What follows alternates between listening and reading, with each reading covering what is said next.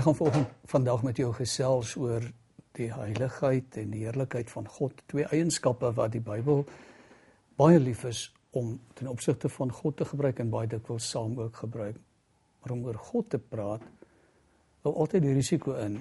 Ons praat van wat buite ons verwysingsraamwerk val. En daarom is dit dalk nuttig dat 'n mens begin deur eers 'n oomblik stil te word. Here baie dankie dat u ons God geword het. Die die koning van die heelal, die skepper, die een wat alles onderhou. Ons het die voorreg om bewus van u teenwoordigheid te leef om om u te ken, om in u teenwoordigheid te kom, om te weet ons hele lewe speel voor u en in u af. Wil u nie vanoggend iets van wie u is weer met ons deel sodat ons u as die een wat waardig is sal behandel. Nie net wanneer ons met u praat nie maar ook in hoe ons leef. Dit bid ons in Jesus se naam. Amen. Ek begin met 'n vraag. Hoe kan 'n mens God ken? Hoe ken ek iemand? Ek kan sê ja op grond van die ervaring die laaste jaar vir al die laaste 2 weke ek ken Ramaphosa. Ek weet wie is. Maar dit beteken nie ek ken hom nie. Wanneer sal ek hom ken? Wanneer ek genoeg tyd in sy teenwoordigheid deurgebring het en en lank met hom gesels het en vir jou kan sê maar dis sy opinie hieroor en daaroor en en hy het hierdie gewoontetjie en hy het hierdie voorkeur en daardie afkeur. In ander woorde die voorwaarde om iemand te ken is tyd saam spandeer, terwyl ons met mekaar praat. Ek moes 'n hele klompie jare terug 'n boek oor 'n kerkleier skryf, 'n bekende figuur. Hy was op sy dag visiepresident van die AGS en en later het hy 'n senator in die nasionale party um, regering geword, oom Gerry Wessels. Nou voor ek na hom toe gaan, het ek nou maar soveel opgelees as wat ek kon. Hy het nou sy boekery vir die teologiese seminarium gegee op die voorwaarde daar moet 'n geskiedenis van hom geskryf word en dit het toe nou op my skouers geval om dit te doen. Die net ek by hom aangekom het ek baie van hom geweet. Ek het gedink ek ken hom. Ek het 'n prentjie van hierdie man in my kop gehad. Maar een van die eerste goed wat ek uitgevind het, die prentjie is verkeerd. Ek weet hoe lyk hy. Ek dog ek weet hoe dink hy, maar die oomblik toe ons begin gesels, toe vind ek iemand anders. Nou as dit by God kom, dan is dit nog moeiliker.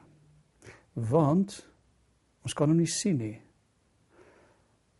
Ons kan nie met ons ore hoor wat hy sê nie. Ons kan nie hom vat nie.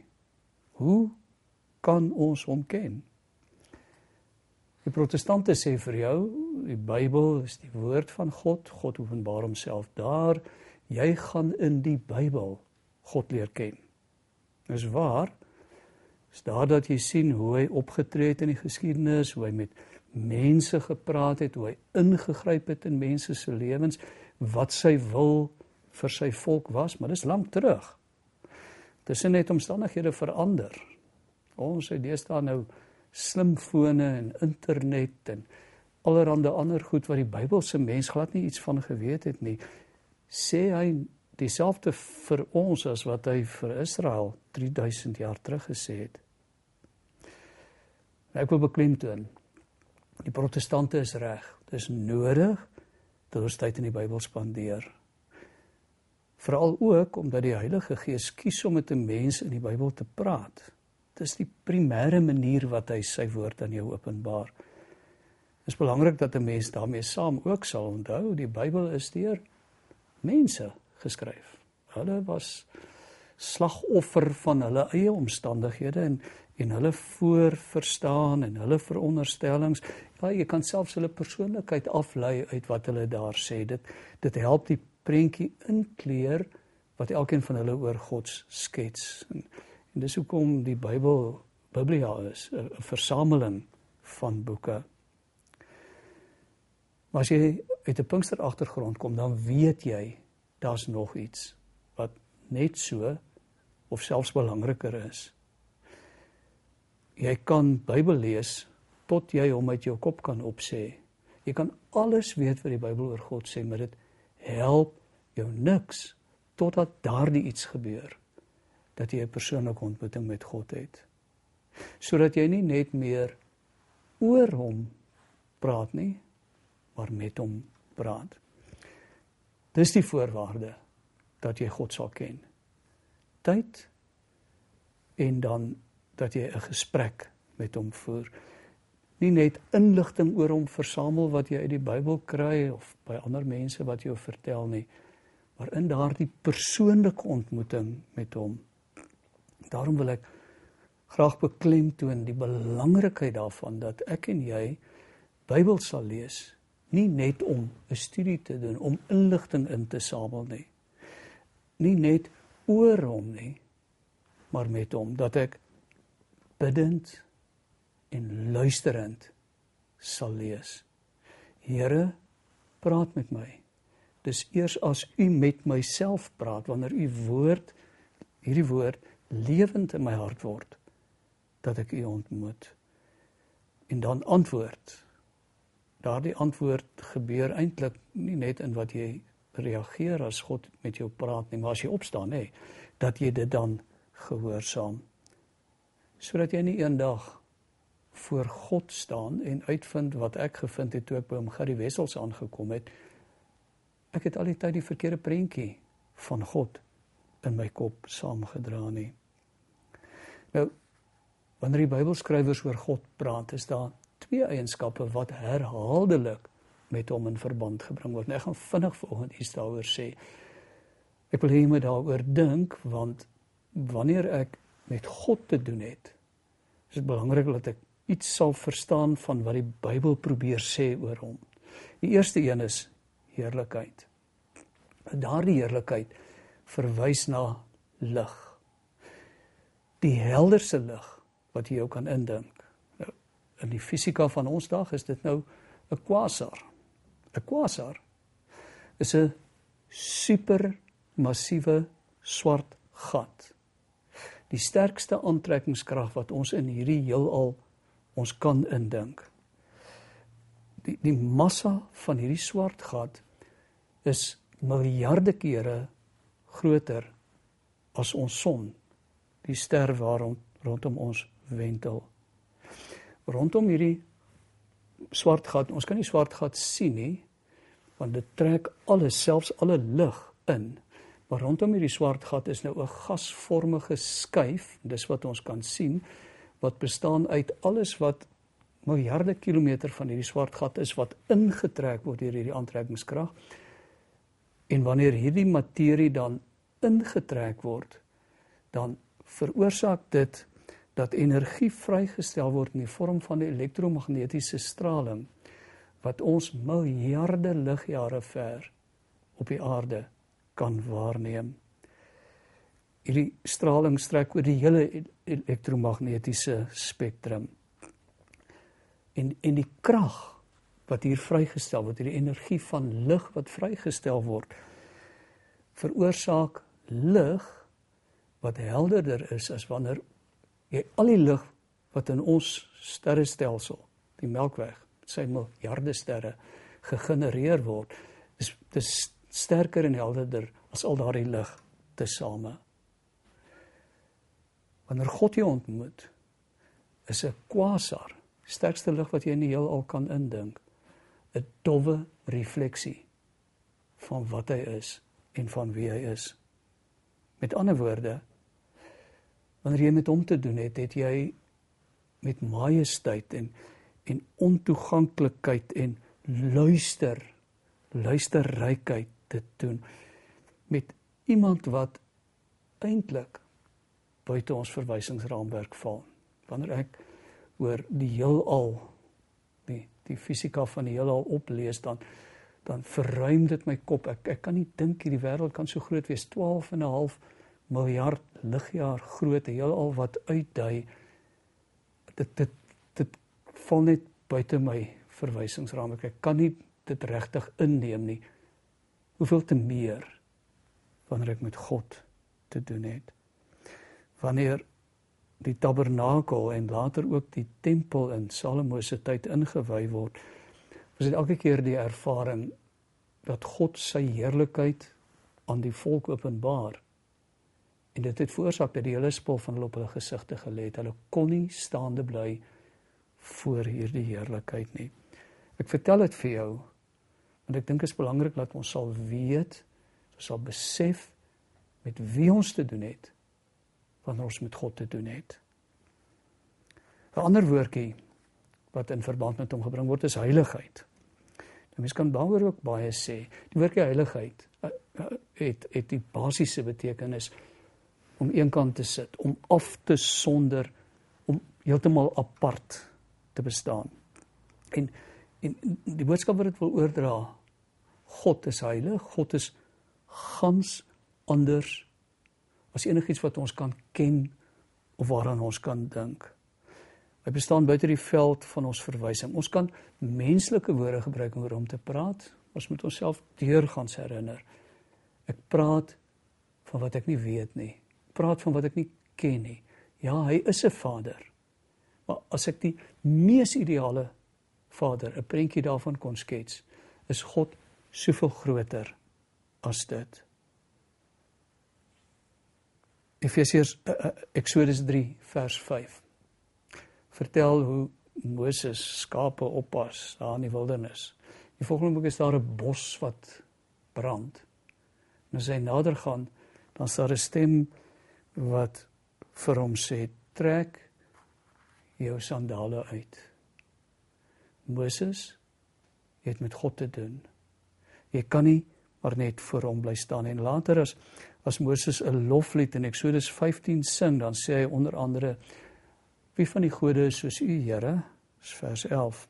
Wie van die gode is soos u Here? Wie is so soos u? So hoog geëer en heilig. In lofsange word u vereer bewerker van wonderdade. Deel van God se heiligheid is ook dat hy moreel perfek is. God is nie maar net goed nie. Hy is nie maar net regverdig nie. Hy is die definisie daarvan. Net soos wat ons nie kan sê hy's magtig nie, want hy's almagtig. Wat beteken almagtig? Ons weet nie. Dis alle mag in die wêreld wat vanuit hom kom en na wie alle mag weer sal teruggaan. Hy nie net teenwoordig nie, hy's oral, hy's alom teenwoordig. God is nie goed nie, hy's die definisie van goed, hy's die definisie van regverdigheid. Hy kan ook nie sonde doen nie. Dis die een ding wat hy nie kan doen nie. Want hy's goed. Hy kan nie die die kwaad doen nie. Alles wat hy skep en alles wat hy doen is ook nie goed nie, dis baie goed. Onthou wat sê Genesis 1, God het gekyk na alles wat hy geskep het en dit was baie goed. En hy het ook bedoel dat die mens goed sal wees. Wanneer die mense in die tuin van Eden voor hierdie keuse gestel word om nie te eet van die boom van kennis van goed en kwaad nie, dan doen die mense, die mens dom genoeg om daardie eksperiment met kwaad te gaan doen, om na die slang te luister. Die sonde vernietig en skei die mens sodat die mens instinktief klere van vye blare maak wat ek dink hoogs ongemaklik moes gewees het. En dan wanneer God hulle kom ontmoet, dan maak hy hulle skande, hy bedek hulle skande en hulle vervreemding met velklere wat beteken God moes lewe neem. Om die vel in die hande te kry, moes hy lewe neem om die mens met God te versoen, om die mense vervreemding se naaktheid te bedek. So groot is daardie vervreemding. Want hy het ons geskep om goed te wees. Hy het ons geskep om in iets van sy heiligheid te deel. Ek ek deel met jou 1 Petrus 1 vers 14. As gehoorsame kinders moet julle nie julle lewe inrig volgens die begeertes wat julle vroeër gehad het toe julle God nie geken het nie. Nee vers 15 soos hy wat julle geroep het heilig is moet julle ook in julle hele lewenswandel heilig wees daar staan immers geskrywe wees heilig want ek God is heilig jy vra nou Wanneer is ek heilig?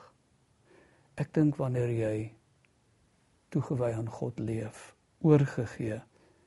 Wanneer jy sy wil doen, omdat jy met sy gees vervul is en luister na die stem van sy gees en toelaat dat hy jou lei.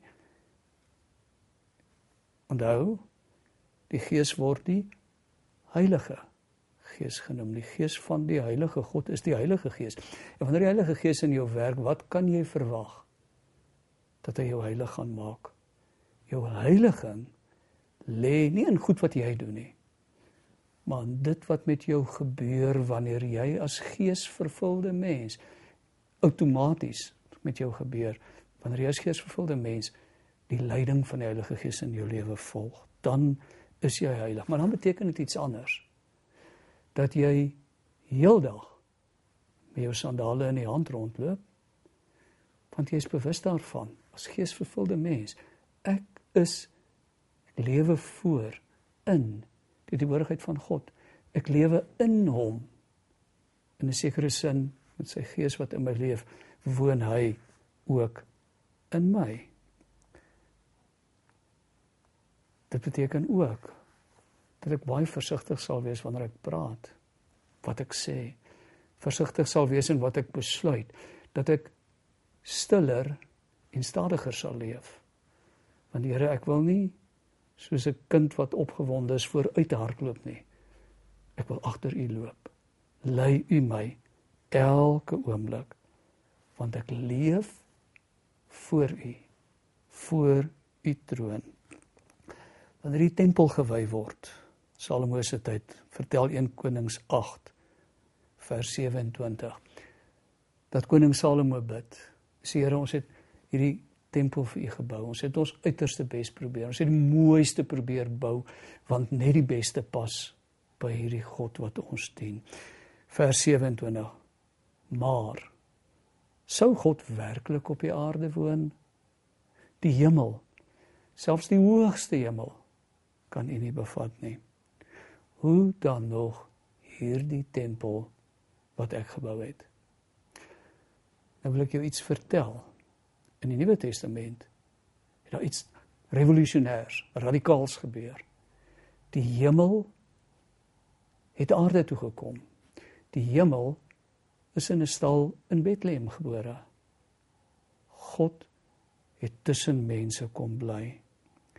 En wanneer Jesus teruggaan, dan sê ek los julle nie alleen agter nie. Ek stuur die Heilige Gees sodat ek en jy as geesvervulde mense in die hemel op aarde kan bly.